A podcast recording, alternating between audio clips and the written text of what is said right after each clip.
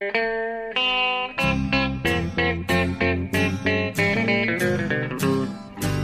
out there, we're on the air. It's hockey night tonight. Tension grows, the whistle blows, and the puck goes down the ice. The goalie jumps and the players bump, and the fans all go insane. Someone roars, Bobby scores at the good old hockey game. Oh, the good old hockey game is the best game you can name.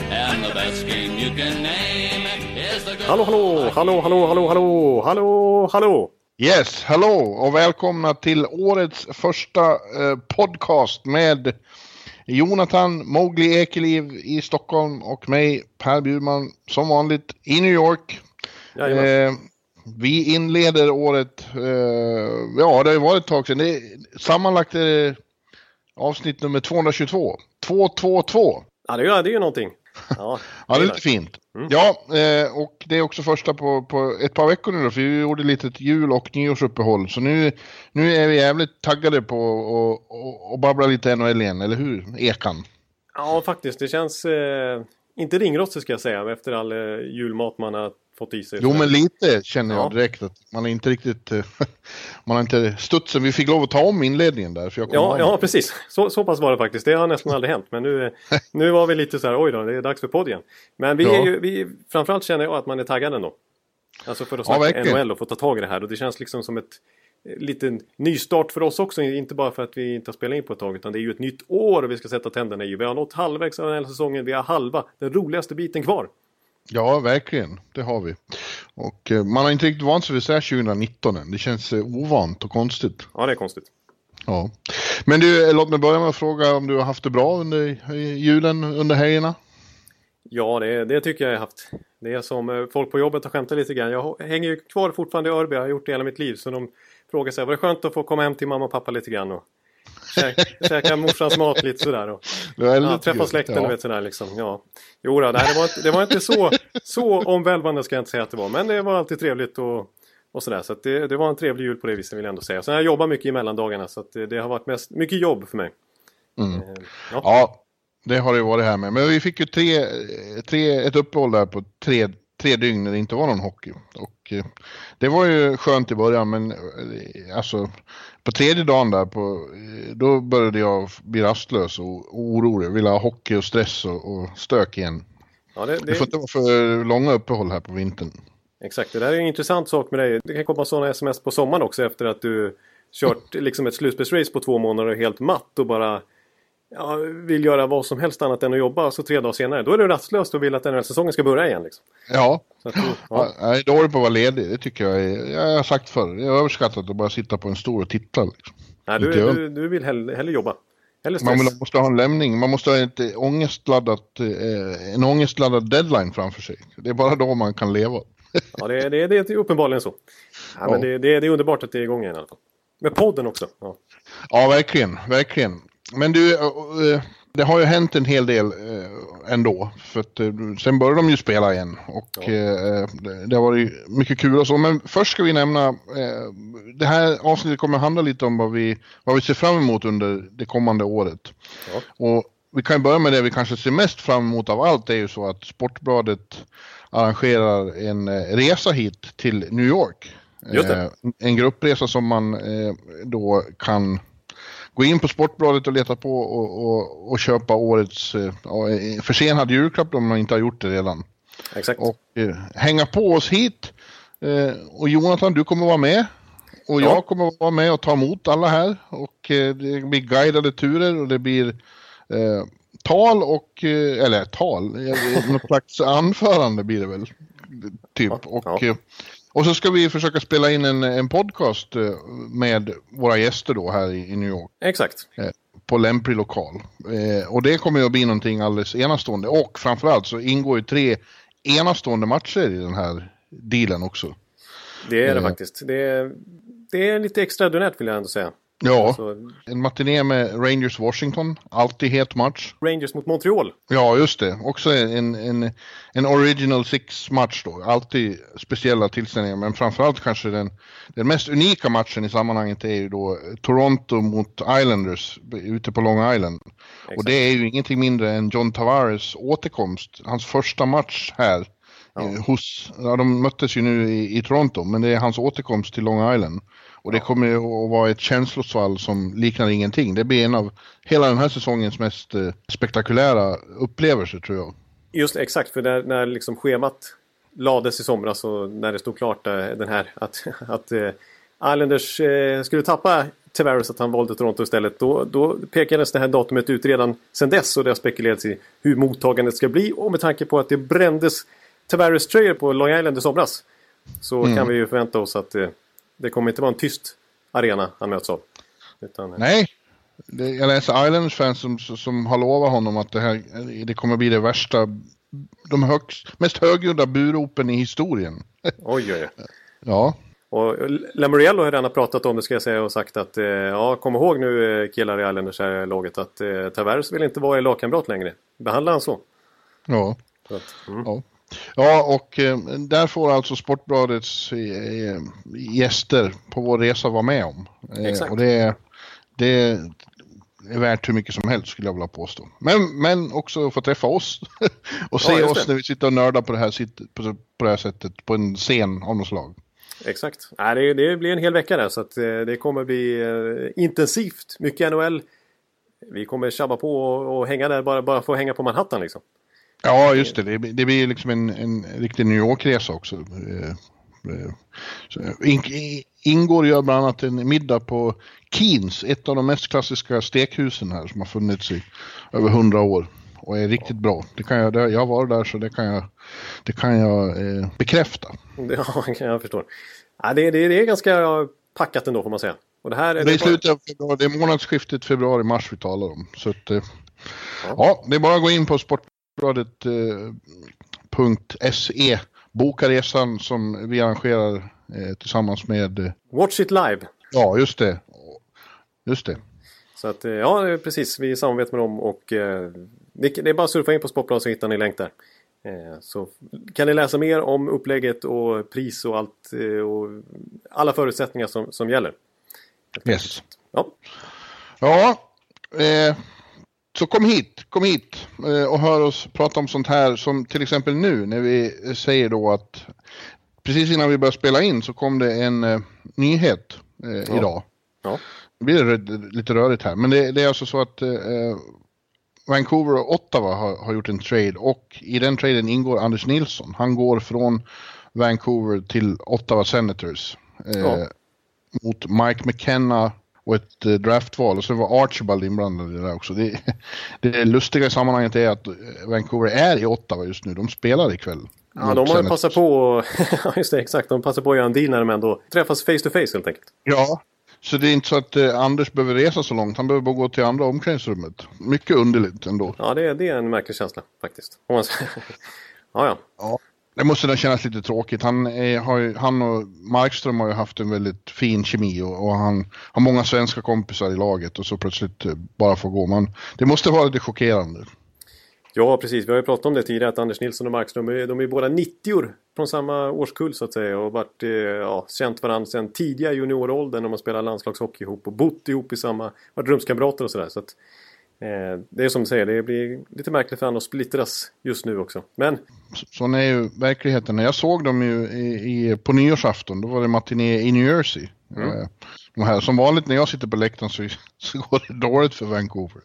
Eh, jag, jag, jag har blivit deras huvudjinxare. Ja. Eh, De fick stryk med 4-0. eh, Och när jag... Var det inte så? Eller var det ja, exakt. Jo, Ja. 4-0 vart det till slut. Ja. Ja, och när jag kom in i omklädningsrummet så tittade Louis Eriksson upp och sa det. Ja, du var här, det förklarar ju saken. ja. Ja, nej, men det, jag känner igen det här fenomenet. Mm. Och då stod jag Anders och det, det gick inte så jättebra. Nej. Nej, alltså inför säsongen så var det ju, kändes det ganska jämnt mellan de två. Det är klart att Markström såg som första målvakt men Nilsson började rätt bra första veckan innan han åkte på den här skadan som höll honom borta ett tag. Han kom ju in med gott självförtroende efter att ha varit första keeper och fört Sverige till VM-guld. Eh, och blivit lite folkkär här hemma. Ja. Eh, men sen så efter den här skadan så har han inte riktigt kommit tillbaks. Samtidigt som du var inne på kanske att Markström har ju vuxit ut till en eh, given första keeper. Ja, eh, ja, det var precis det jag skulle komma till. Att Mm. Markan har, han har tagit det slutgiltiga klivet och blivit en, en, en riktig första Morris, en riktig elit-Morris. Eh, och eh, har ju, överhuvudtaget så, så, så har ju Vancouver överraskat i år får vi säga. Det är januari och de är fortfarande med i racet kring strecket. Det hade man ju inte räknat med. Och allra minst efter den här långa svackan de hade eh, i början av november. Exakt, ja. När Besser var borta en månad till exempel. Ja, och det såg ut som korthuset föll ihop på samma sätt som i fjol, men de har ju kommit tillbaka väldigt starkt. Och mycket handlar ju om Elias Pettersson, det, det skrev han krönika om efter New Jersey-matchen då, trots att det såg sådär ut då, så är det ju liksom, eh, han har varit katalysatorn för ett lyft för hela laget. Eh, men det handlar inte bara om honom, det handlar om ja, hans radarpartner där och Brook också.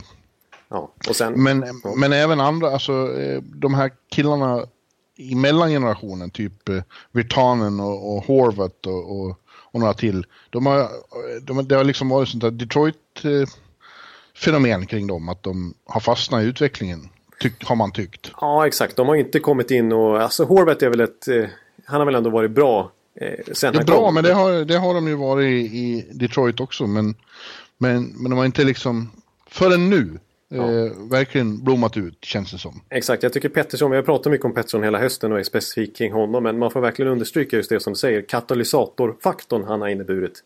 Han Ja. har naturligtvis med sin skill lyft dem bara på det viset. Men även hela viben kring Vancouver, hur, självförtroendet för hela laget kollektivt. Eh, Ja. har liksom, de har svetsat samman som en grupp på ett mycket bättre sätt också. Känns det som. De spelar för varandra, de verkar ha roligt liksom. Ja, ja det är liksom i vinddraget kring honom som, som, som det har hänt saker. Och eh, där ingår ju eh, absolut Jakob då också, att han har blivit så jävla bra. Ja, han har faktiskt varit riktigt bra här, eh, inte minst i, under december månad. Där, eh, för övrigt eh, är, också kom nyligen in vi skulle spela in att Elias Pettersson återigen blir årets rookie. Ingen skräll. Årets rookie. Månadens rookie ska jag säga. Månadens rookie, ja. ja. men han kommer att bli årets rookie Ja, det kommer. Jag, jag tog ut det i förskott här. Det, så, det kan vi slå fast redan nu trots att det kommit några dagar in på 2019 bara. Ja. Ja, Ja. Sen, sen vill jag nämna en spelare till när vi ändå var inne lite på Vancouver här. Eh, alltså Alexander Edler. Tycker jag varit. Mm. Han har man nästan glömt bort lite grann senaste åren. Och han har haft mycket skadeproblem och sådär. Även den här säsongen till viss del har han ju varit borta. Men eh, sista veckorna här har han varit ruggigt bra och stor del i Vancouvers. liksom, ja han och Tanev ihop, det är Ja. två backveteraner. Eh, och eh, det är samma sak där, det känns som de har liksom fått lite nytt, ny energi och nytt liv. Ja. Precis, för nu, nu är ju Edler inne, han lirar ju upp så här äh, Erik Karlsson-minuter. Alltså det är 27-28 minuter per match, ofta. Ja, Eh, och han är ju ruggigt bra och han har ju fortfarande kvar skridskoåkningen liksom. Eh, vilket gör att han i allra högsta grad håller, hänger med i tempot när motståndarens kvicka forward sätter fart i den här upptempo-hockeyn som vi ser idag. Eh, Ja. Så eh, och det, det, det beroende på nu hur Vancouver ska göra den här säsongen, om de hänger med i racet hela vägen eller om de skulle tappa lite och bli en seller till slut. Så pratades det om att Edlers värde Dels för hans kommande kontrakt, för han är ju UFA, han ska ju, hans kontrakt går Mm. ut i, i sommar. Men att de kan ju få ett först, minst ett första runda val för honom, kanske något mer till och med. Så, så Ja, mycket han sitt värde. Jag skulle just komma in på det också. Att han, han, är det, det man har hört honom, om honom fram till nu är ju just det att han har ett kontraktsår och är en av många svenskar som, som eh, kan bli tradad. Ja. Men eh, det undrar jag om de, om de hänger sig kvar här. Och jag, jag, om jag får tippa så tror jag det. Jag tror att de kommer med och slåss om en av de där sista eh, wildcard-platserna i väst. Exakt, du skrev ju det i krönikan där att du, du, Ja. var, du var rätt övertygad om, om Vancouvers slagkraft faktiskt. Ja, eh, och eh, då, eh, då är det svårt att se att de skulle göra sig av med en sån betydelsefull pjäs. Ja, som spelar nästan en halvtimme match då. Så det är det. Ja, och dessutom är, är den som har varit där allra längst nu med, med bred marginal. Därför att eh, Ja. senare, det här är ju en intressant diskussion också då, vad det har betytt att Daniel och Henrik faktiskt har gått i pension. Det är, kanske är ett delikat ämne i Sverige, men eh, det kan ju vara så att det har haft betydelse för några av de här som vi pratar om, Horvath-generationen, att eh, de liksom kliver ur deras skugga nu. De har varit så dominanta, tvillingarna, Att eh, när de försvinner så har det blivit liksom en... De får, det här laget får skaffa sig en ny identitet på egen hand.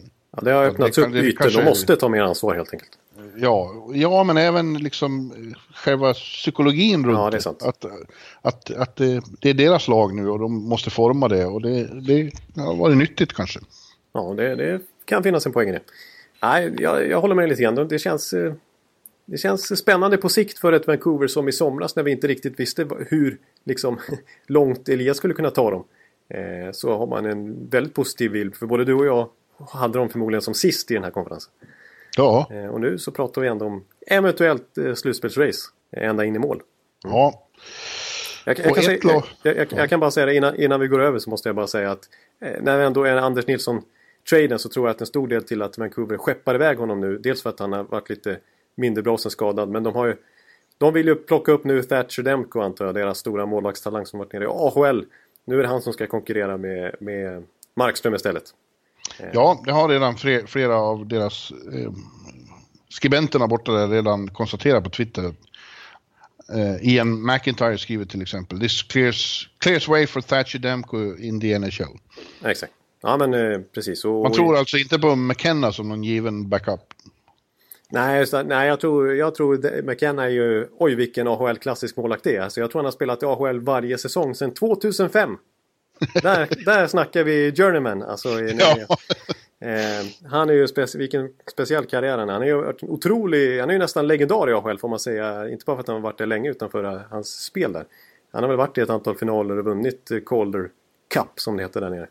Eh, Men, måste gå eh, in på Hockey Database och se. Alltså hur många lag han egentligen har varit i. Alltså jag tror att det är 15. Ja. Herregud. Den tar Från- aldrig slut den sidan kan jag tänka mig. Nej, om vi tar från 2005, alltså det är mycket AHL då, men det är Las Vegas Wranglers, Norfolk Admirals, Milwaukee Admirals, Och de där lagen finns knappt längre. Omaha XR Ben Knights, Portland Pirates, Norfolk Admirals, Tampa Bay Lightning. Ja, jag kommer minsann. ihåg att han var där. men Det är länge sedan. Ja. Lowell Devils, Albany Devils, New Jersey Devils, Binghamton Senators, Peoria Rivermen, Springfield Falcons, Columbus Blue Jackets, Portland Pirates, Arizona Coyotes, Springfield Thunderbirds, Syracuse Crunch, Texas Stars och Belleville Senators även i år. ja, ni hör ju. ja, han har fått se Nordamerika Han i alla har, fall. exakt, han har sett hela Nordamerika flera gånger om. Ja. Bara, bara en sån grej. Men eh, jag tror att, att eh, det är Demko som ska få chansen nu. Och eh, ah, man var ju inte nöjd där med målvaktsspelet i början av säsongen. Man wavade Condon som, i, eh, eh, från Ottawas sida. Som backup till eh, Craig Anderson och tog upp McKenna istället. Och nu chansar man på Anders Nilsson då. Som Mm. kanske känns lite mer spännande på sikt trots allt än McKenna. Ja. ja. Men du, eh, en, en bra övergång här är ju då att, att ta ett av Vancouvers grannlag som eh, har betydligt mer förväntningar på sig, eller hade mer förväntningar på sig inför den här säsongen. Eh, och skulle som vanligt bli ett eh, slutspelslag var det tänkt. Ja. Eftersom de har världens bästa spelare i truppen. Just det. Men, eh, men det, det hackar betänkligt i Edmonton även i år. Och i synnerhet nu sen, sen Klevbom och eh, vad heter den andra? Chris Russell. Backen. Chris Russell har blivit skadade så har de ju... Ja, då ser det ut så här igen som att trots att Hitchcock står i båset så ser det ut som de inte kan... Eh, har hört talas om hur man uppträder i egen zon. Nej, precis. Det rasar in mål. Det är 35 mål eh, på åtta matcher sedan de försvann. De två. Ja, Samma ja. match. Mm. Så nu har de gjort eh, ett par trader då, men de har ju mest varit sån att man kliar sig i huvudet, eller hur Jonathan? Ja, alltså, ja, man kliar sig i huvudet. För den är Peter Cirelli som sitter och, och basar över det här laget och eh, undrar vad hans plan egentligen är. Eh, det, för varje move han gör känns det mer och mer desperat. Eh, visst, Hitchcock kanske var en bra värvning för att liksom få fart på det här snabbt och Hitchcock kan kliva in och sätta ett försvarsspel och liksom få effekt direkt. Det är ju så hans ledarstil funkar lite grann. Men ja, nu har de, på grund av de här skadorna har det ju sett uselt ut igen. Och då är ju Chiarelli fram naturligtvis och gör en konstig move. Och han tar in alltså två högst begränsade backar. Ja. Och, eh, visst, det är inget enormt pris han betalar men jag, jag säger att han förlorar båda de här två traderna. Och det faktum att de faktiskt nu ligger över lönetaket. Det här är ganska... Den här truppen som inte ens är slutspelsmässig just nu eh, ligger över lönetaket och anledningen till det är att de har ju Sekera, Klefbom och Russell på New Reserve tills vidare. Eh, så att de ändå ja, eh, har, plats, ja. har plats. Men när framförallt Sakera kommer tillbaks då måste de göra sig av med löningen. Eh, ja, vi kan ju nämna vilka det är. Det är Alex Petrovic från Florida som har kommit in och så är det ju då Brandon Manning, vilket kanske inte många har missat senaste dagarna här. Nej, han, som, han som medvetet försökte skada McDavid första Precis. mötet när, när han ingick i Flyers. Precis, han, eh, och exakt han, eh, alltså McDavid bröt ju nyckelbenet då och när de mötte säsongen därpå så ska ju Manning ha hånat eh, McDavid för den skadan och sagt att det var medvetet och sådär. Mm. Nu har de ju försökt tona ner det där båda spelarna men det är klart att det, det är uppseendeväckande att, att Manning ska bli McDavids lagkamrat helt plötsligt. Ja. Det jag tycker med, eh, som du säger, det, det är inga storartade... Han, han fick inte ge upp så mycket, nej. Men, men det, det, är så sorgligt att eh, det känns som att, att uh, Chiarelli, general manager, han bara liksom vispar runt i status quo runt McDavid. Ja. Det, det, det, blir liksom ingen, ingen, aldrig en förbättring. Ibland blir det försämringar men mest blir det bara liksom samma, samma ja, status quo. Ja, precis. Och, det är bara, vi har ju nämnt hans track record så många gånger men det känns som att det är gemensam nämnare är att det är något, någon slags akut behov som måste fyllas och så skiter han lite grann att det skapas ett hål någon annanstans i truppen. Ja. Eh, och på sikt eh, blir det oftast ännu sämre än vad det redan var. På kort sikt kanske okej okay ibland. Men jag menar i det här fallet så ger man upp Drake Caggiula för Brandon Manning. Och visst, Caggiula har väl varit en liten besvikelse efter att han var en jättespännande college free agent som många lag slogs om och så har han ändå inte riktigt tagit det här klivet som Edmonton hoppades på. Men han är trots allt deras femte bästa målskytt i ett lag som inte gör så mycket mål. Eh, om man tar in honom för en Brandon Manning som är på sin, på, på sin höjd den tredje backparskille i NHL och som var petad i ett ännu sämre lag än Edmonton, det vill säga i Chicago. Mm. Och samma sak med Alex Petrovic. Eh, också petad i Florida. Som, by the way, det ska ju skjutas in också, som skyddades under expansionsdraften så de istället förlorade Jonathan Marchessault. Ja, det är ju en, exakt, det här är ju... Man kan, I ett större begrepp så kan man säga att hela den här trade-cirkusen som var här för Chiarelli och för Floridas del så det, det är ett exempel på dåligt eh, management överlag. Även från ja. Floridas sida. Att eh, Petrovic som man alltså skyddade eh, slutar med att man får in Chris Wideman och ett tredje val. Som de fick utbyte från Edmonton nu. Och som ja. alltså tappat både Riley Smith och John T. Marchis på kuppen. Så att, och jag läste någon lång utläggning här på The Athletic. Det var väl Pierre LeBrun som skrev det. Att pressen är hård på Chiarelli nu och han vet ju det. att uh, Går de inte till slutspel så får ju han sparken. Ja. Med all rätt. Och det är inte säkert att han, om de går dit och åker ut direkt så är det inte säkert att han blir kvar då heller. Uh, för då börjar det bli slöseriet med Conor McDavids år börjar ja. bli kännbart. Nej, det har ju, han har ju liksom kommit ju till ett fantastiskt läge 2015 Cherrell när han tar över när Edmonton precis har vunnit draftlotteriet och de vet att de ska kunna ta McDavid. Mm. Men så har han successivt ändå byggt ner laget kring runt Connor. Alltså, han hade en Taylor Hall från början, han hade en Jordan Eberle och så vidare. Alltså, bara om man ser till hans förmåga att utföra, alltså hans syn på backar till exempel. Han verkar ju, den verkar inte vara så modern trots allt utan han lever ju kvar i det här old school hård för stor back som ska trycka bort folk framför kassen. Alltså, ja, både Petrovic och Manning är ju lite den typen, lite mean killar liksom och ganska storväxta. Mm. Och, och eh, alltså, man kan ju till viss del, nu kan han ändå hantera pucken på ett bra sätt, men Adam Larsson är ju lite åt det hållet också. Och eh, det finns ju flera sådana exempel, alltså när man tar, man vill ha en Griffin Reinhardt som är den typen av back också, som inte blir någonting och i utbyte offrar man ett första val som blev Matthew Barzal. Ja. Så att, eh, nej, det... Chiarelli vid rodret kommer aldrig bli något där. Nej, det verkar så. Han verkar hamna i fel roll ja. I, i livet. Ja. Trots att han har vunnit en Stanley Cup med Boston, men då såg NHL annorlunda ut. Ja, det är hela åtta år sedan nu. Ja, precis. Så... Det har gått sedan Boston, herregud. Det finns en anledning att han fick lämna där också när de misslyckades eh, ett par år och, och tradade bort Tyler Seguin lättvindigt till exempel. Mm. Nej, Chiarellis eh, liksom, hockey funkar inte så bra 2018-2019 här. Nej. Nej, desto bättre fungerar det för en divisionsrival till dem som också började knackigt och vi sa att nu har det där blivit ett normalt lag som alla andra. Mm. Men det kan man verkligen fråga sig om Vegas Golden Knights är, för nu eh, är de i topp i väst igen. De delar första platsen om man ser till poäng då bara med Winnipeg och Calgary. Ja. Eh, så att det, är, eh, det är jackpot på strippen igen här. Ja. Andra året. Och när de här precis i slutet av december vann och kom upp i över 50 poäng så blev de det, det första laget i hela NHL-historien att eh, klara av det och nå 50 poäng innan januari två, sina två första säsonger. Ja. Nej, då kan man inte kalla dem för någon sophomore slump än så länge. Trots att det börjar sådär den här säsongen. Men nu har de ju varvat igång igen. Verkligen, och det är intressant därför att det var, de, det var ju någon gång där i november de åkte till Calgary och åkte på en fruktansvärd smäll. Just det. Eh, var det 7-0, 7-8-0? 7-2. Ja, det bara ra- rasa in mål. Det var 5-0 i första perioden tror jag. Ja. Och sen, sen vände, efter den vände det och så har de mest vunnit och vunnit. Ja. Nej, De senaste 20 matcherna har de 13-4-3 i record. Ja, Riktigt, riktigt bra. det finns ju några eh, eh, saker att peka på. De har fått tillbaka Nate Smith då som var avstängd eh, i hela inledningen av säsongen. Exakt. Och Paul Stastny tillbaka från skador. Det tror jag också betyder mycket. Alltså, Ja. Det är en spelare som lyfter laget. Det gjorde han ju med Winnipeg när han kom dit. Eh, Ja. nu, nu som andra center här i Vegas så har han också gett... Han, han sätter ett djup direkt när han kommer in som, som är otroligt stort för alla lag. Eh, ja, man får ju en till fungerande kedja liksom. Ja, Som eh, ja en producerar. riktig klasskedja. Nästan första kedja får man en till. Exakt, och han är ju bra defensivt sådär också. Han är en sån där som jobbar hårt match efter match. Han liksom, det smittar ju av sig lite kan jag tänka mig på kedjekamraterna och i längden hela laget liksom. Ja.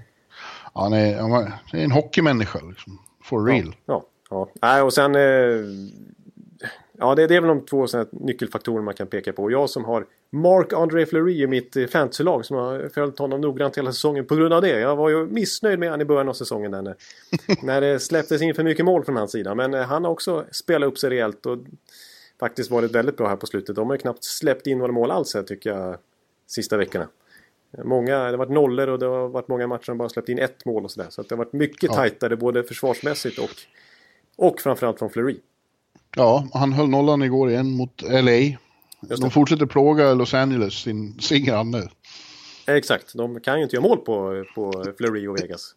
Nej, de kan inte det. Det måste vara, fruktan, måste vara fruktansvärt frustrerande för dem. Det kommer in en, ett nytt jävla lag. Som är så kaxiga Ja. också mot just Kings alltså. Ja, ja, ja det måste kännas bittert. Ja. Men eh, eh, ja, jag kan inte annat än att tycka att det är kul. Det är ju roligt med, med, med hockey i Vegas. Det är bara så. Exakt, och jag, jag vill peka på lite underliggande siffror också. De har sett nästan likadana ut hela säsongen.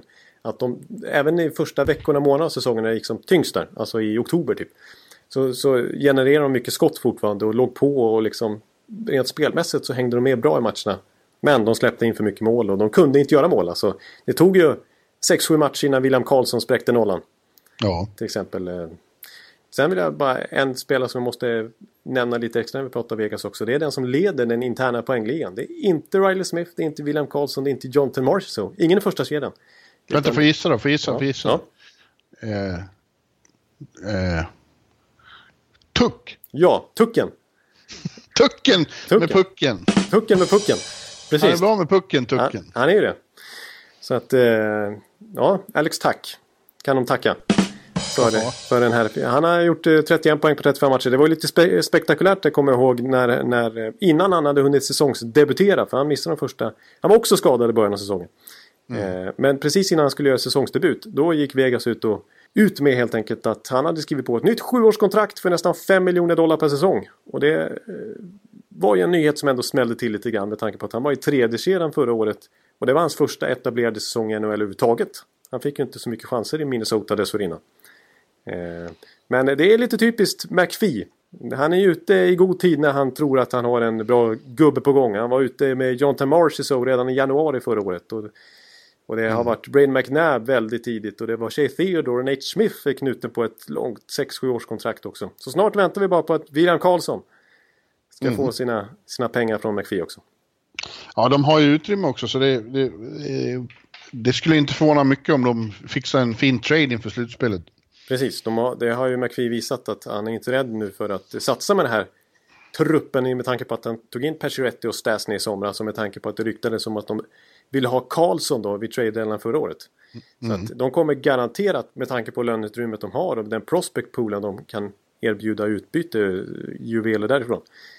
Erik Brännström har de ju till exempel. Som de kanske Ja. vill behålla. De skulle... Han, vi får ju hoppas att de tar upp honom då, för om de inte gör det då har ju Uffe Bodin på Hockeysverige.se lovat att pu- punktera en egen lunga. Ja, det, det, det, får, det vill vi ju inte ska hända. Nej, det vore ju förfärligt. Det vore ju hemskt.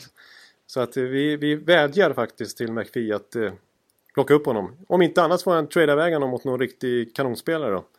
Eh, Där Brännström kan få chansen. Nej, men eh, de, sitter, de har en bra Gu- situation. Gustav till Vegas. Eller Silverberg till Vegas. Ja, jag tänker så. Här. Gustav Nyqvist eller Jakob Silfverberg. Ja. Silverberg är ju en, en, en slutspelsartist.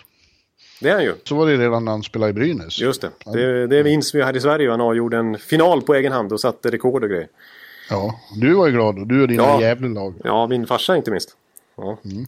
Men... Eh, eh, Gävle? IF, har du talas om dem? Nej. Jo, det har jag gjort. Men eh, det... Där är det Jag vill, höra, jag vill höra ett speciellt ord. Eh, usch. Ja, exakt. Där satt du. Ja. Nej, men eh, jag tänker att Vega skulle kunna gå efter en Mark Stone till exempel. Ja, ja, absolut. Mm. Så att eh, de... de Det där kommer vi lite in på snart. Ja, Eh, ex, ex, absolut. absolut. min, min bäste vän. Ja. Eh, Cool fact a crocodile can't stick out its tongue. Also, you can get health insurance for a month or just under a year in some states. United Healthcare short term insurance plans, underwritten by Golden Rule Insurance Company, offer flexible, budget friendly coverage for you. Learn more at uh1.com. eh, ja, nu kom vi av oss lite märker vi. Ja, nu, nu kommer jag av oss. Nu var vi ringrostiga igen här. Ja, jag, jag kom på ett, ett lag som vi måste prata om. Jaha, Eh, Som är i, i fokus och det sjunger om det. Det är ju Dallas Stars. ja. Ja, verkligen. Det måste, det måste vi komma in på. De är i fokus på många sätt. Eh, och, och här, jag tänkte bara nämna i förbigående att det har ju hunnit vara i- spelas en Winter Classic också då på nyårsdagen här mellan Boston och Chicago i, i, på, i Notre, Notre Dame i South Bend. Just det, Indiana. Ja, ja precis. NHL-hockey i Indiana. Speciellt. Men Ja. jag var inte där och, och jag kan inte säga att jag tittar så väldigt noga. Det- Nyhetens behag har ju gått ur de här utomhusmatcherna sedan ganska länge. Ja, det, det säger ju lite grann, eh, alltså hela, ja precis som du säger, att det har blåst ur lite grann den här stora Winter Classic-fenomenet när, när, när Bjurman faktiskt inte är på plats. Det brukar ju vara det. Det var det i början och det var, jag menar hela den här Road to Winter Classic-serien har ju skalats ner ordentligt mot vad det var en gång i tiden. Ja, Just nu känns det faktiskt, jag måste erkänna det själv också. Jag tittar på matchen men jag har inte följt med så mycket i, i förhandssnacket och jag har faktiskt inte sett så mycket av Winter Classic-serien heller. Eh, det är mest i, i Chicago och Boston som det här har varit stort. För att de lag Ja. som, fort, som är involverade i de här matcherna är det fortfarande en jättehappening förstås. ja. Och Boston vann med 3-2. Eh, i- och- 4-2 men till och då- med. Martian gjorde ett sista mål i öppen kasse. Ja, just det. Fyra, ja, just det, just det. Så var det. Eh, men samtidigt då fick vi veta att nästa års Winter Classic kommer att spelas i Dallas just. Eh, på Cotton Bowl Stadium. Eh, och då, vi vet inte mot vem än. Det, har, har de, det sparar de på. Men då känns det som att jag ändå vill vara där. För att eh, det är Dallas och Texas. Allting är bäst i Texas.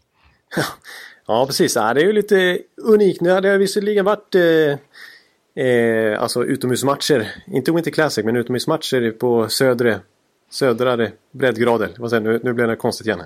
Vad säger man? Mer södra breddgrader? Nej, ja, något sånt. Sydliga, Sydliga heter det, men du ser. Ja, men det är okej. Ja, ja. Jag, jag, jag får inte håna dig som Nej, just det, precis. Du har blivit... Eh, eh, ja, nej men... Eh, men det... Ja, Batman är ju, har ju slagit fast det här att det ska minsann gå. Det kommer bli bra.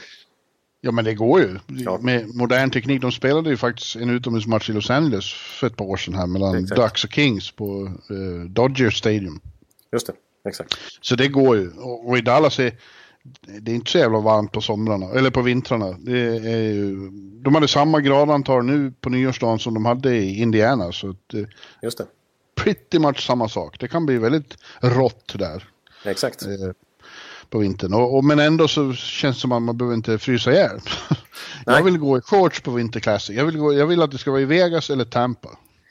ja, Tampa skulle inte jag tacka nej till. Nej, jag såg att det... Vad heter den arenan i Tampa? Raymond? eh, Raymond James Stadium. Ja, den kan det väl vara på. Det tycker jag. Ja, nej men det kommer nog lösa sig. Jag såg, alltså, men det som är speciellt med Texas är ju att jag såg häromdagen så var det som sagt runt 0 grader och här om ett par dagar igen så ska det vara 19 grader. Ja. Man vet ju aldrig liksom. Men, Men det löser de ju Det nu löser de, ja, ja. ja. det kan vara 25 grader, de kommer kunna spela ändå. Ja.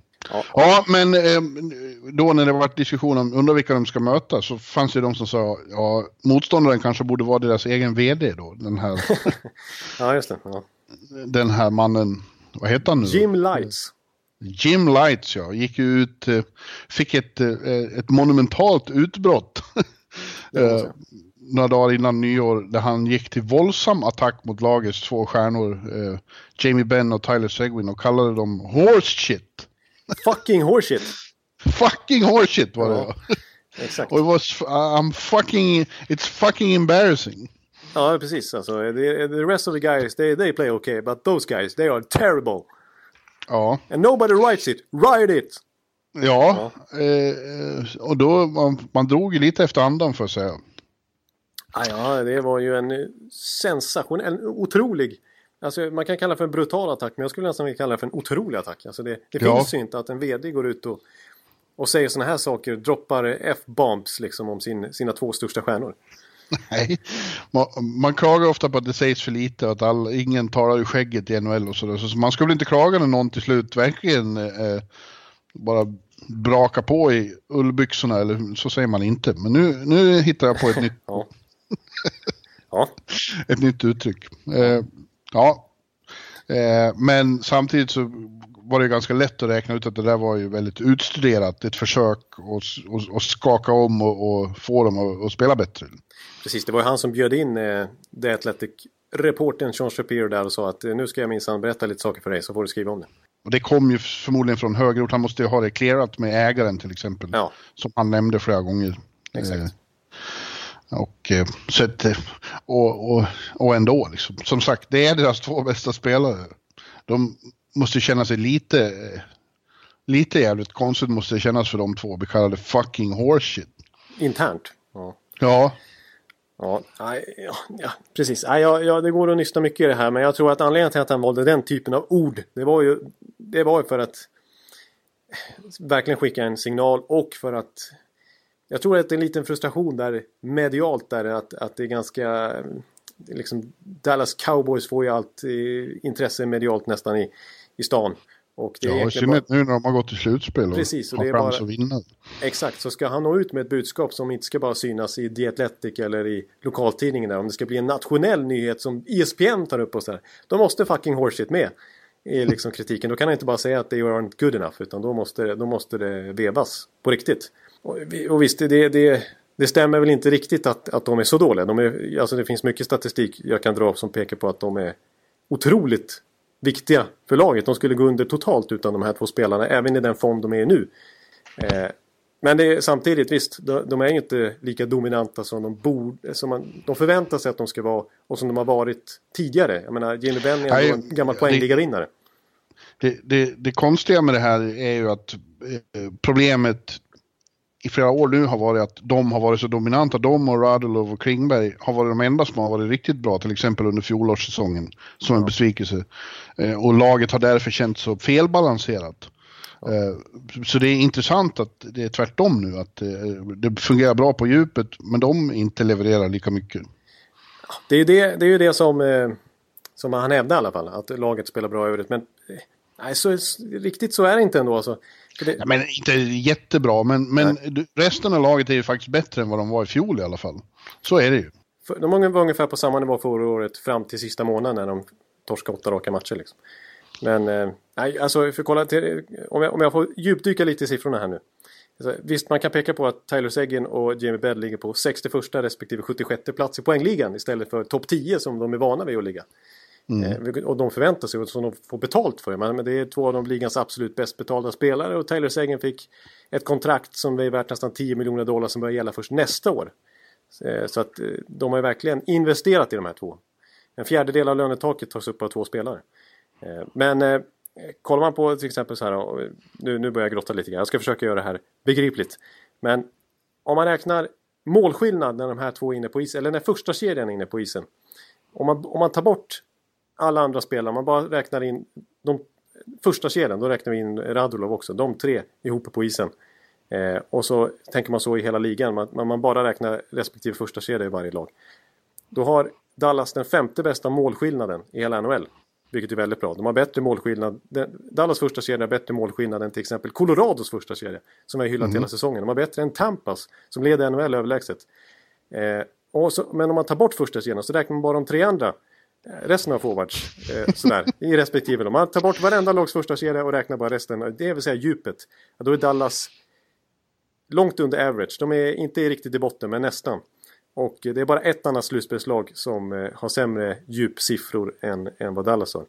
Så att, eh, så att ja. det, det, det, är fortfarande får man ändå säga liksom att det är ändå djupet som inte riktigt presterar. Vi har en Valerij Nichushkin som har gjort noll mål.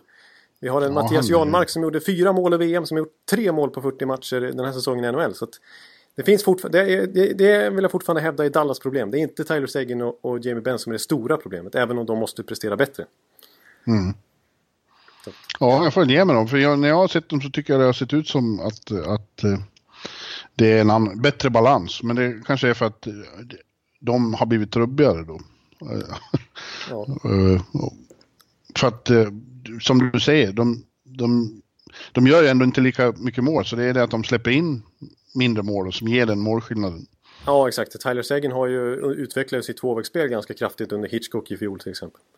Eh, sen ska jag säga att de här siffrorna har blivit lite boostade av att eh, Ben Bishop har varit av någon anledning otrolig just när de eh, har varit inne på isen.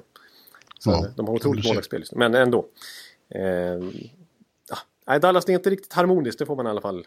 Det kan man väl inte säga. Det, det snackas om att Seguin inte har någon kanonrelation med Montgomery till exempel heller, nya tränaren. Så att...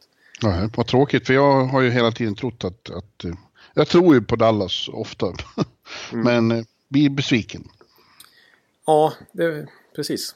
Det... Jag tror att det har varit hårt slag att Klingberg har varit skadad så länge och, och uppenbarligen tar lite tid att komma igång.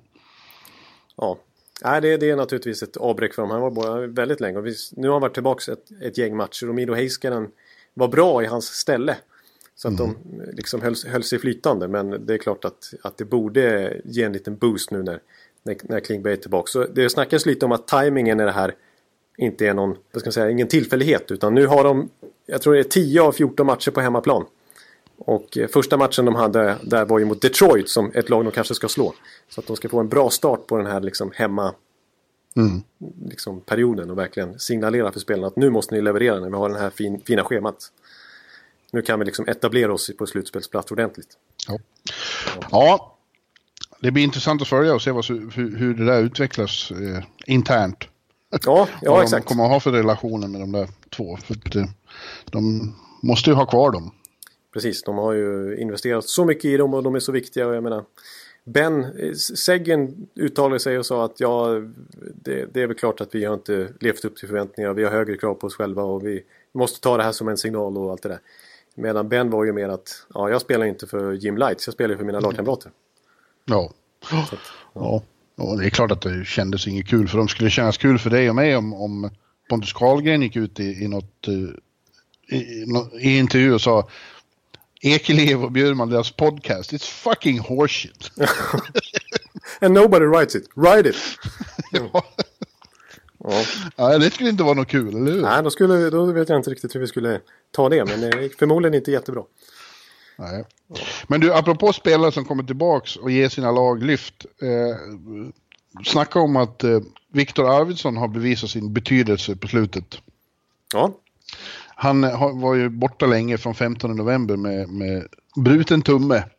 Och eh, eh, Nashville åkte första gången på åtskilliga år innan han kom tillbaka här på sex raka förluster.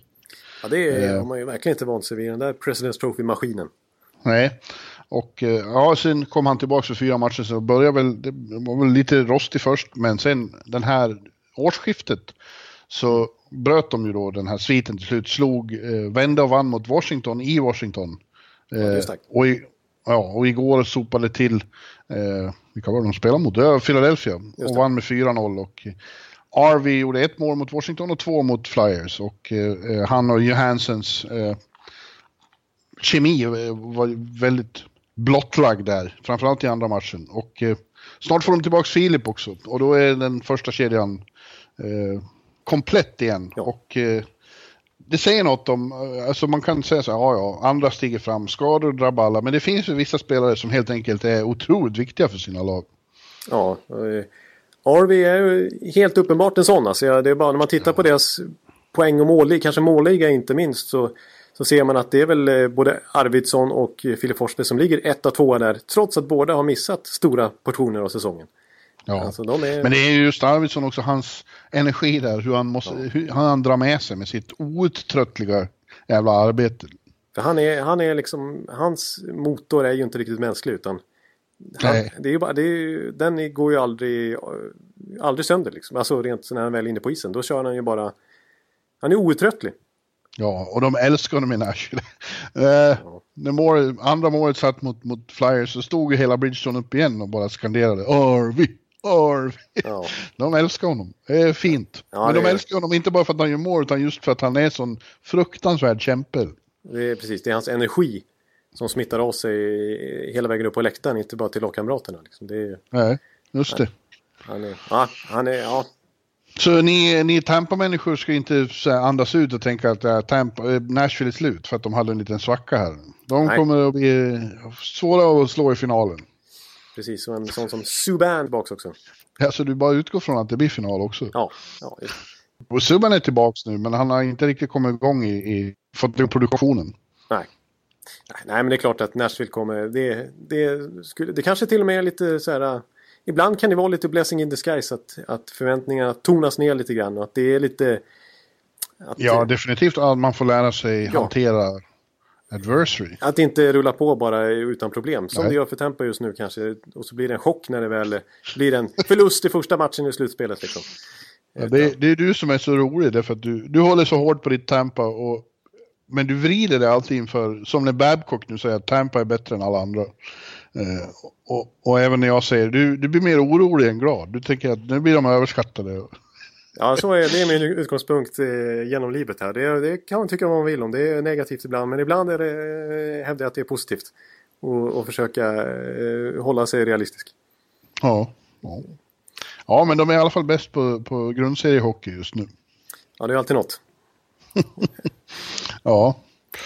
Ja, vad har vi mer då? Jag, jag är hemma eh, här men ska göra ordning och gå på match snart. Det är Pittsburgh här för årets första match på, på Garden och det är alltid kul.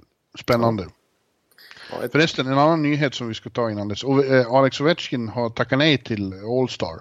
Han orkar ja, inte. Han skiter i det. Han gör en Zetterberg. Ja, ja, Zetterberg, han har aldrig sagt det rakt upp och ner. Nej, just det. Han har råkat bli skadad. Han fick ont i handlederna jämt. Ja, var- just det. Det var ju handledaren som strulade där när det, när det var slut på januari förstås. Då är det ju handledaren. Ja. Nej, men Ovechkin tar en match avstängning och det blir ju alltid om man, om man eh, säger rakt upp och ner att man inte vill så får man en just match avstängning. Och han säger att eh, i den här åldern så tar han, han måste få ta den där veckan ledig istället. Och det kan man förstå. Det var en rätt lång säsong följd av en inte helt stillsam sommar. Nej, just det. Han har inte haft mycket eh, lugna dagar på senaste året egentligen. Nej, så det får man förstå. Men då får de ju utse en ny kapten i Metropolitan då. Eh, och det, var ju, det var ju läsarna som hade, eller eh, fansen som hade röstat fram honom där. Så jag undrar om det blir automatiskt den som var tvåa då och vem det i så fall är. Ja, Jag tycker att poängligaledaren ska utses till. Kucherov? Ja. Ja, kanske det. Kanske det. även om jag inser att han kanske inte riktigt har samma personlighet som en viss eh, nummer åtta har. Nej, då är med Stamkos mer personlighet faktiskt. Ja, Kan bli han istället. det är mycket möjligt. Det kan bli Crosby också. Det kan bli Crosby och det finns några Toronto-gubbar där som är rätt vassa också. Så att det, är, Just det, just det. Ja. Eh, ja, fast de spelar i Atlantic de. ja, det är ju Metropolitan och, och, och det gör ju Tampa också. Nu är jag helt ute och snurra. Ja, Nu får jag, nu, nu får jag be om ursäkt. Nu snurrar vi båda två. Ja, Det är precis. Nu, är- nu är det första podden 2019 här alltså. Nu får jag skärpa till mig. Den här nivån, är- det här är inte okej. Nu är jag horseshit. Ja, vad är det här för horse? Ja, Ja, nu kommer exakt. Wahlgren att säga det. Ja, nu, nu får vi det ändå. Precis. Fucking horseshit, deras första avsnitt där för säsongen. Ja. Ja, We pay those guys and they're fucking terrible. ja, ja. Ja, vi ber om ursäkt på förhand. Ja. Nej, vi, ska, vi måste bättra oss. Vi känner av det här och känner att det här, är- det här är inte okej. Ja. Ja, men som sagt, jag ska gå och titta på Pittsburgh då eh, om ett tag. Och därför måste vi börja dra ihop, men vi har ju sagt att eh, vi pratade lite trader där och eh, när, vi, när vi pratade om att göra det här första avsnittet igen så sa vi att vi kanske kan titta på eh, vilka lag som kommer att ha behov, vilka de lag vi tror är säkra på slutspel, vad, vad de har, har behov av och, och försöka förändra med trader och vad som då finns tillgängligt. Ja. Eh, och jag har naturligtvis inte hunnit med det, men du har.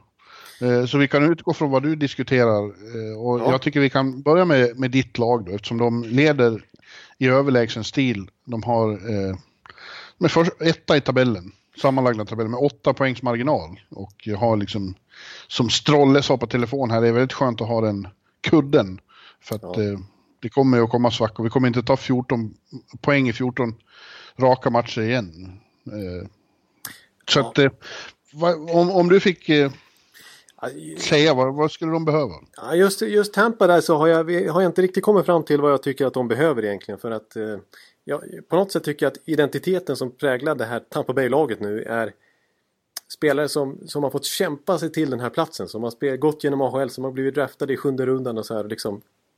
Det finns en väldig ödmjukhet tycker jag trots allt. En sån som Kutjerov är ju inget högt draftval heller för den delen. Det är egentligen bara Stamkos av forward som är en sån. Annars är det många sådana här spelare som, eh, som har fått jobba sig till sin plats. Så att jag är inte säker på att, eh, att, att, Jag tänker att den här fina kemin som de har i laget just nu inte är klockrent om de tar in någon spelare som är, kommer in utifrån med förväntningar på sig. Och, Nej, de behöver, framförallt är det inte så att de behöver ge upp något.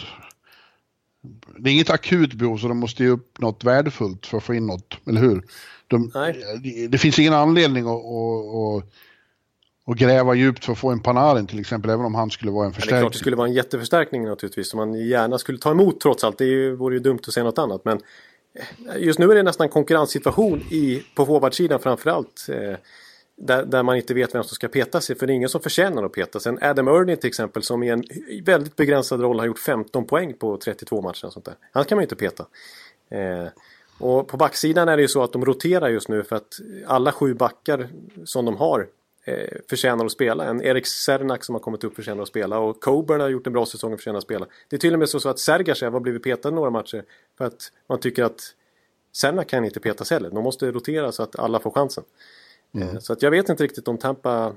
Det, det jag tänker som skulle kunna vara något lite annorlunda eh, som skulle tillföra något annat till Tampas lag.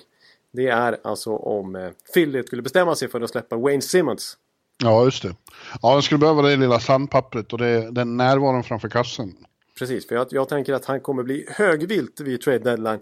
Om nu Philly fortfarande är så pass långt utanför slutspel ja. som de är just nu. Det är 12 poäng. Ja, det är kört för dem. Alltså jag trodde att det här lyftet som kom med, med eh, när de bytte coach då. Eh, det, det var ju uppenbarligen tillfälligt, även om det är trevligare att vara Philadelphia Flyer nu. Eh, men de har förlorat fyra raka nu och som du säger, de, de bara singlar ju mot, mot botten. Precis. Så att eh, Simmons borde vara, eh, borde de få enormt mycket för.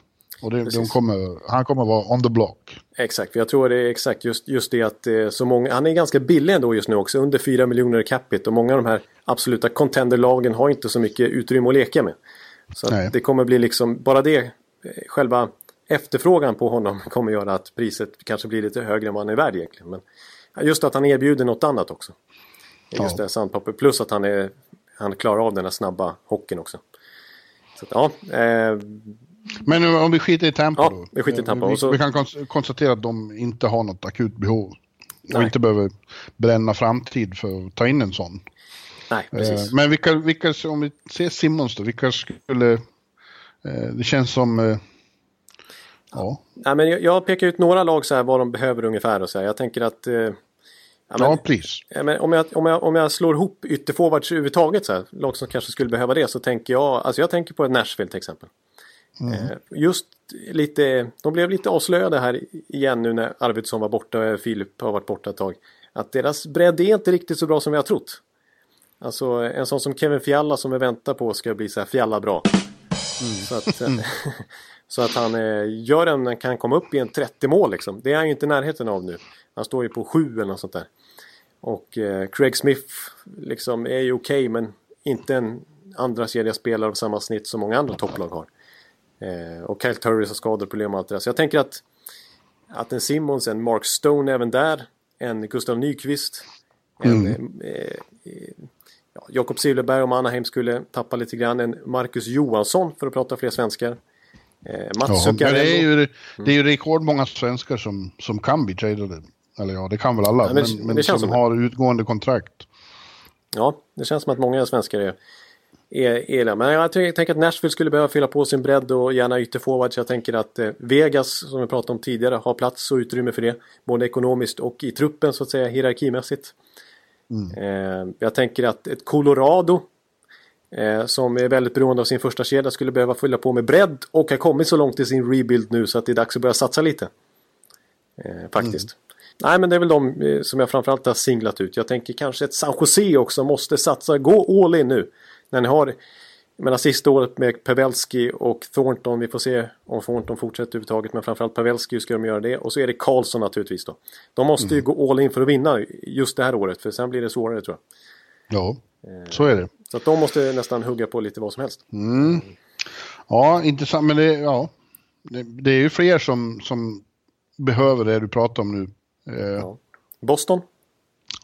ja, Boston, och de är inte rädda för att göra stora saker faktiskt nu för tiden. Eh, De tog in Rick Nash i fjol.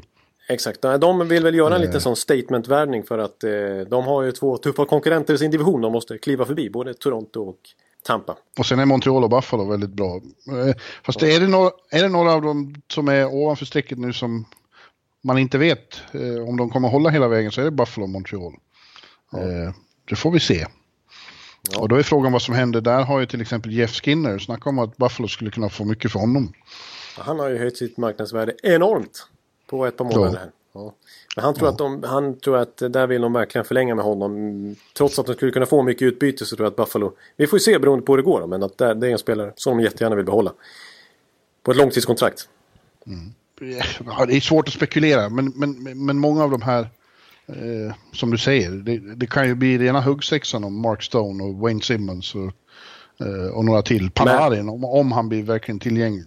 Ja, precis. Columbus, där är det svårt att se hur de gör. Men de ligger så pass bra till i tabellen nu så att de kanske ändå bestämmer sig för att äh, vi, det får vara våra egna rentals.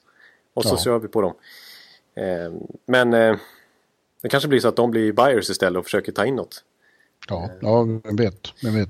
Eh, men, Ja, centra då. ja, okej. vi- eh, ja, men centra, då tänker jag till exempel ja, Matt Duchene naturligtvis. Ja, och det har vi sagt ända sedan innan, innan seriestarten att Winnipeg kommer att försöka ta honom och göra samma eh, blockbuster som i fjol när de tog in Stastny.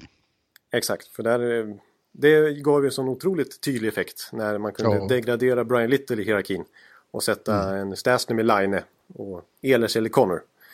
Eh, och samma sak eh, skulle ju hända förmodligen med Matt Duchene. Det, det, det skulle ju kanske göra dem till en, en av de verkliga favoriterna. Eh, men sen tänker jag att en annan center som jag tror kommer få ett högre pris än vad han egentligen är värd, som har en fin säsong just nu, som också bidrar till att värdet kommer skjuta höjden lite grann. Det tror jag faktiskt är Rangers Kevin Hayes. Ja, verkligen. Eh. Ja, han har ju sin bästa säsong. Eh, och kommer definitivt att... och, Ja, de, de är, kommer ju vara sellers. De håller ju på med sin rebuild. Exakt, för jag, jag tänker ändå att det är rätt många lag som gärna vill förstärka sin centersida inför slutspelet. Winnipeg är ju ett sånt lag som framförallt kanske går efter Matt Duchene men en andra alternativ skulle kunna vara Hayes.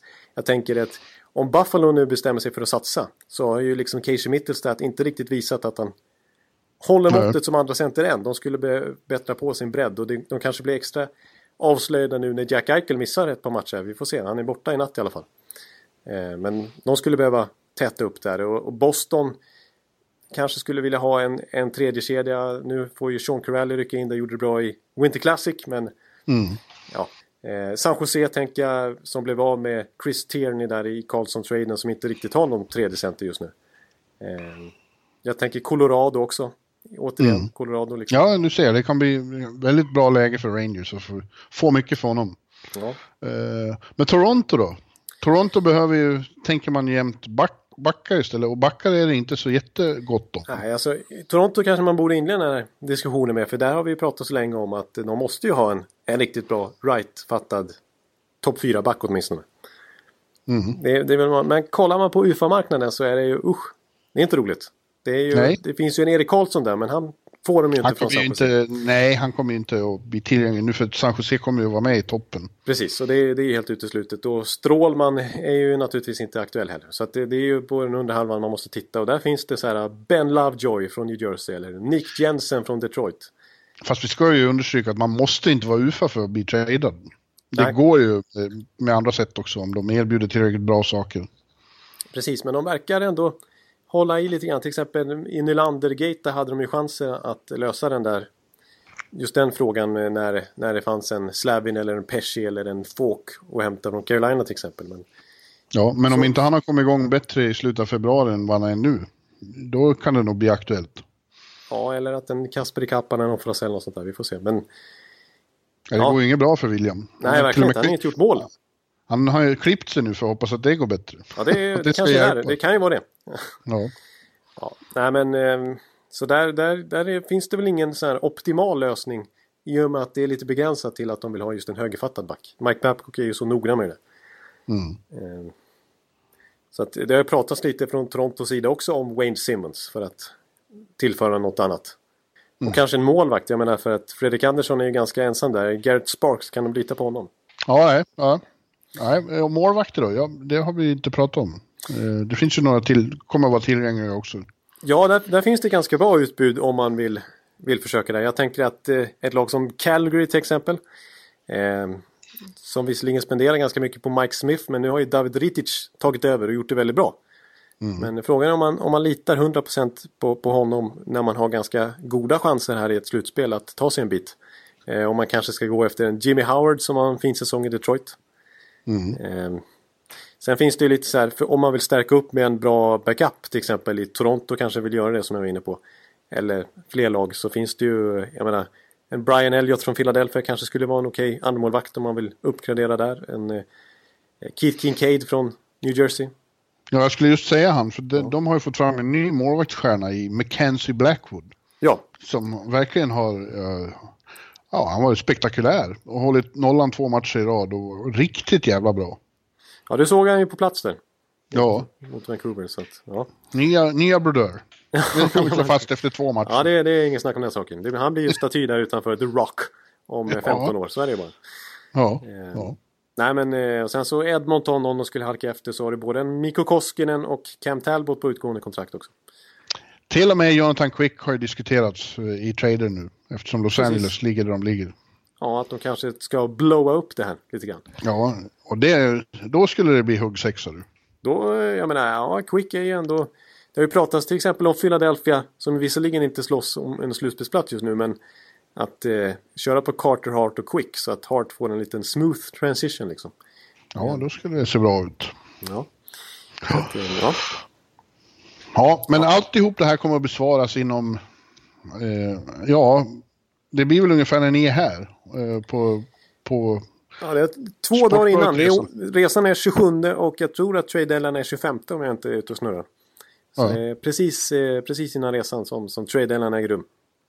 perfekt timing. Det kommer att vara väldigt eh, spännande överhuvudtaget då när folk debuterar i sina nya lag och så.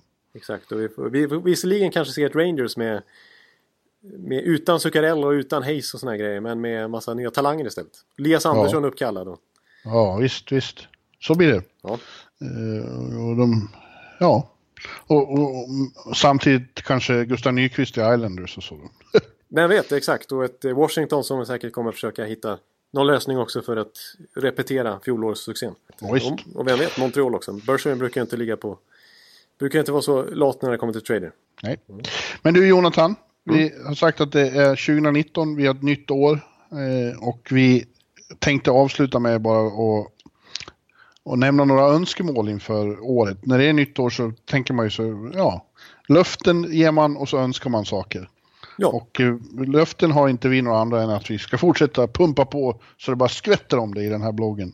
podden. Eh, ja. Och bloggen också för den delen. Ja. Po- eh, podden, förlåt, ja. ringrosten igen. Ja. ja, podden. Och, eh, men eh, ja, titta på några saker. Eh, jag har sagt önskemål. Och jag säger till dig nu, Jonathan Jonte Ekeliv, vad önskar du dig av i NHL under 2019?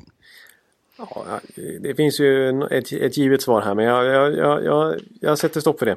Och så säger jag Alltså nu är jag lite inne på trader igen men, men jag... Eh, ett specifikt önskemål det är att jag vet ju att det kommer bli ett Erik Karlsson-race i sommar igen.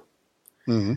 Och eh, jag är inte helt säker på att han kommer stanna i Sharks beroende på lite hur det går den här säsongen visserligen. Och, och... Jag, tror inte, jag tror inte alls att han kommer att stanna i Sharks. Jag, jag skulle säga att det är 20% chans. Att han stannar? Faktiskt. Ja. Okay. Och det finns ju en ekonomisk eh, bit i det här också att eh, Kalifornien har den högsta tax-raten i hela NHL. Eh, så att, eh, ja, det är det. Men så tror jag inte det är så jättekul att spela för Peterborough faktiskt. Nej, nej. Om man kan välja. Ja, ja. Nej, så att eh, mitt specifika önskemål... Det finns andra lag där det finns mer utrymme. Ja, få höra. Ja, ja. det, är, eh, ja, det finns många man skulle kunna tänka sig se honom i. Men jag, jag valde som eh, någorlunda realistiskt här. Nu fick jag ju tänka fritt. Men jag mm. valde faktiskt Vegas. Ja. Jag tänker att man, man vill ändå se Karlsson i Vegas. Han känns ju väldigt kompatibel med hela, hela den ja, grejen. Det gör han. Och eh, apropå tax rate, ingen delstatsskatt där heller så där får han ju ut väldigt mycket mer pengar också. Om man ska tänka ekonomiskt. Ja, det finns flera alternativ. Eh, Rangers är ju ett. Det har ja. pratats om. Det önskar jag lite för din skull. Ja, det skulle vara kul. Eh, och eh, Tampa är väl det han vill till helst, men det blir svårt för att få ihop Trots att jag får drömma fritt så känner jag att det är för orealistiskt ekonomiskt att gå ihop. Så att jag, jag tog inte med det. Ja. Nej, ja, men vad gäller San Jose där då. De är ju kända för att många stannar och vill vara kvar för att det är så härligt att bo där och så vidare. Men jag, jag kan tänka mig att för Erik är det ändå så att liksom, det finns andra lag där eh, han ändå blir mer the go-to guy eh, och får spela en större roll. Det är redan så mycket stjärnor i San Jose så eh, det kanske var skönt ett tag i början och, bara vara en av grabbarna. Men jag, jag, tror att för karriären så vill man ändå vara liksom, när man har vant sig vid det, hur det var för honom i Ottawa. Jag tror att nog lite vill han ha tillbaka av det. Precis, och den här Tavares-grejen att han nu för första gången i karriären, kanske enda gången, liksom kan välja själv. Alltså det kommer ju vara sånt enormt intresse igen då, sommaren 2019. Och, och han har chansen att bli UFA i sin prime. Då, det tror jag, ja. Den chansen tror jag han vill ta. Har du något, eh, nu får du, har du något, eh, nyårs, eh, någon nyårsönskning här? Ja, jag har ju mer så här eh, utopiska drömmar och, ja. och det är gamla käpphästar jag kommer tillbaks till. Ja. Och eh, den vildaste är ju att jag önskar mig ett nytt slutspelsupplägg.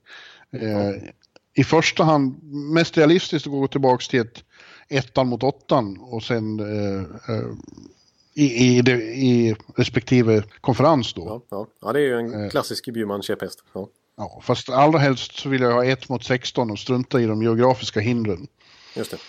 För att det skulle bli mest sportsligt då. Det skulle vara så underbart att se Tampa mot, eh, ja inte vet jag. Vancouver ja, kan det bli. Van Vancouver ja, i första rundan. Ja. Eh, det, den, eh, den eh, gamla käpphästen kommer jag dragande med igen. Ja men det är 2019 och den hänger med fortfarande. Det är, det är ju för att den är mest sportligt rättvis, det är ju bara så. Ja, och sen så också, eh, borde inte alls vara så svårt.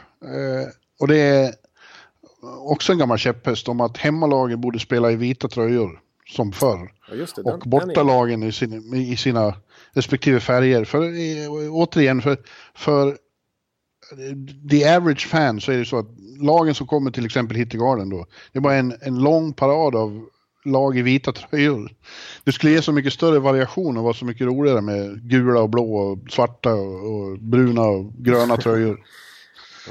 You see what I mean? Ja, jag förstår vad du menar. Alltså det, det, det finns ju en poäng i det. Man, på ett sätt vill man ju liksom ha en identitet som hemmalag. Att det ska vara ens egen hemmafärg och att man inte, alla inte hemmalag ska liksom förknippas med vitt. Så det, på det sättet förstår jag att man ändå har sin egen färg på hemmaplan. Men, men jag, jag förstår ju du ändå som sitter där i Madison Square Garden i, i tio års tid och bara ser de här blåa Rangers-tröjorna mot vita bortatröjor. Mm. Det är ju lite monotont och det finns ju en anledning till att man hade det här vit hemmatröja-systemet eh, så länge i NHL tidigare och som man har i AHL till exempel. Ja, ja det är en innerlig önskning jag har som jag tänker slåss för. ja, det är bra. Jaha, mer då?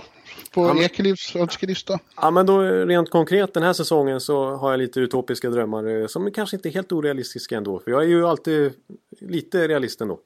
Eh, det är ja. att eh, Ovechkin ska bli liksom att han ska, eller någon annan för den delen, men jag tänker kanske Ovechkin ligger närmast till hans att spräcka inte bara 50-målsvallen, vilket eh, vi har inte sett på ett par säsonger överhuvudtaget någon i NHL göra, utan 60-målsvallen. Att det, Ja. kan, det kan bli lite sådana här 80-tals siffror igen för att eh, alltså målskyttet totalt sett i NHL har ju gått upp markant senaste två åren. Jag tror ett, senaste ett och ett halvt år om man räknar den här säsongen och hittills och fjolåret så har det gått upp med så här 10% nästan. Så det är ju eh, väldigt tydlig skillnad. Det syns ju i poängprotokollet att det görs mer poäng på spelarna. Många som ligger på poäng per match eller mer. Och så jag hoppas på att, att Ovechkin ska, ska komma upp i 60 mål. Och att vi för första gången under hela 2000-talet ska få se någon göra mer än 120 poäng. Ja, Jag ja det skulle vara något. Det tror jag inte är helt orealistiskt heller faktiskt. Med tanke på det snittet de ligger på just nu, grabbarna i toppen. Så det, det är mitt eh, nyårs eh, här att, att det verkligen ska bli 90, 80, 90-tal siffror i poängkolumnerna igen. Mm. Hela vägen. Ja. Ja, en annan önskning som ju verkligen hjärtat slår för hårt, det är att de faktiskt tar sitt förstånd, tar sitt förnuft till fånga eh, och eh, förlänger nuvarande CBA eh, Ja, och eh, kommer överens om att fortsätta på det här kollektivavtalet fram till 2023 och, och med det undviker en konflikt redan nästa säsong och också då sätter ett, eh, ett World Cup igen. Just det, då blir det ju i princip Hösten klart. 2020. Ja. Och att det, det kommer inte bli på samma ställe då tydligen utan de tänker sprida ut det istället för som senast var det i Toronto hela tiden. Eh, och, och det tyckte, tyckte vi var skönt men, men ekonomiskt så visade det sig vara ju ganska dumt då för det var ju svårt att sälja biljetter till alla matcher. Det var inte fullsatt på eh, Tjeckien eh, Team Europa till exempel. Nej, men det kommer att vara om man spelar i London, Ontario eller Regina. eller har någon match i, i, du vet, i Minnesota. Ja, precis. Ja, exakt. Det, på ett sätt var det häftigt att vara alltihop på samma ställe så det blev en riktig kokpunkt. Liksom. Ja, nu säger det till och med att de tänker gå tillbaka till det med att ha några matcher i Europa. Så att Sverige spelar på Globen mot eh, Finland och så. Och det Ja, är det. i, i och för sig rätt bra också. Ja. Ja, men ändå. Jag håller helt med dig i, i själva grejen här att de ska... De får peta, putta fram den här diskussionen och inte utnyttja klausulen att avbryta det nuvarande koll- kollektivavtalet som de har rätt att göra här. I september är det väl? Som är Men det vore så dumt. Alla vet ju hur dumt det vore eft- eftersom mitt i det där ska också tv-avtalet förhandlas om. Ja. Eh, med NBC då. Och eh, det, det här är så otroligt mycket värt. Så det vill man inte krångla med helst, antagligen. Nej, nej det, det mesta pekar väl på att det trots allt eh, inte utnyttjas någon klausul. Utan man låter, man låter den här linan löpa ut. Tills Ja. kollektivavtalet går ut på riktigt. Ja, Så låt att- oss hoppas på det. Ja, jag håller med. Jag, håller med. jag har faktiskt också skrivit ner det som en, som en önskning. Sen, Ja. har jag, sen har jag en sista och den är ju så otroligt väntad så jag ber om ursäkt till alla läsare. Men eh, jag hoppas att 2019 är året då Tampa Bay Lightning gör en Washington Capitals och, och, och bryter en förbannelse och vinner med sitt core. Så att jag kan få jubla i Tiki-baren en gång för alla. Ja. ja. Ja, och då kan jag avsluta med att önska att det är Nashville de möter i finalen. Så att det blir åka mellan Tampa och Nashville bara för att det skulle vara så jävla roligt. Härliga städer att vara i och hanterliga avstånd. Och eh, så, så lägger inte jag någon eh, värdering i vem som ska vinna den. Nej just det, men, eh, just det, men du, du, du, alltså, oj, du kommer njuta. Du kommer inte sova, du kommer bara sova på planet. Annars kommer du vara vaken dygnet runt, överallt. Ja, som de säger, en, en, en bra soldat sover när han kan. Ja, just det. Och det blir på, det blir på någon eh, Delta Airlines eller något sånt där. Ja. Ja, men eh, det enda, enda, enda som oroar mig med det är att du skulle börja hata Filip Forsberg och Viktor Arvidsson och Ja, sådana det, det är ju risk för att jag utvecklar någon slags... eh, Ja, att ondskan träder fram helt enkelt. Ja, verkligen. Ja, men du, nu har vi, nu har vi den här första matchen, om vi ska kalla den det, spelad, eh, Jonathan. Så nu nästa, nästa 2019-sändning, då, då har vi skakat av oss ringrosten och kan köra hårdare. Precis. Ja, vi, ska, vi ska vara bättre nästa vecka. Men vi, vi fick ihop en rejäl podd ändå, känner jag. Ja, det var inte fucking horseshit i alla fall. Nej, riktigt så illa var det inte tycker jag.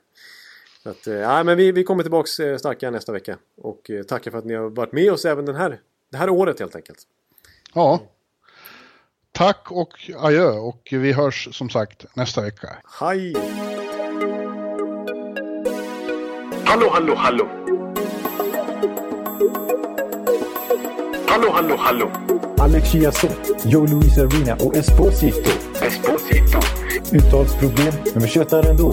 Och alla kan vara lugna, inspelningsknappen är på. Bjuder Hanna Kohl, han är grym i sin roll. Från Kållesoffan har han fullständig kontroll på det som händer och sker. Det blir ju allt fler som rattar in hans blogg. Och lyssna på hans podd.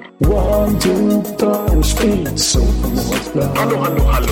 One, two, three, speed, so Hallå, hallå, hallå. Ekeliv, som är ung och har driv. Verkar stor och stark och känns allmänt massiv. Han hejar på Tampa och älskar Hedman. Sjunger som Sinatra. Ja, och där ser man. Nu är det dags för refräng. Dags för magi, Victor Norén. Du är ett geni. Så stand up at home and remove your hats. Höj volym, för nu är det plats. One, two, three, speed, so Hallå, hallå, hallå.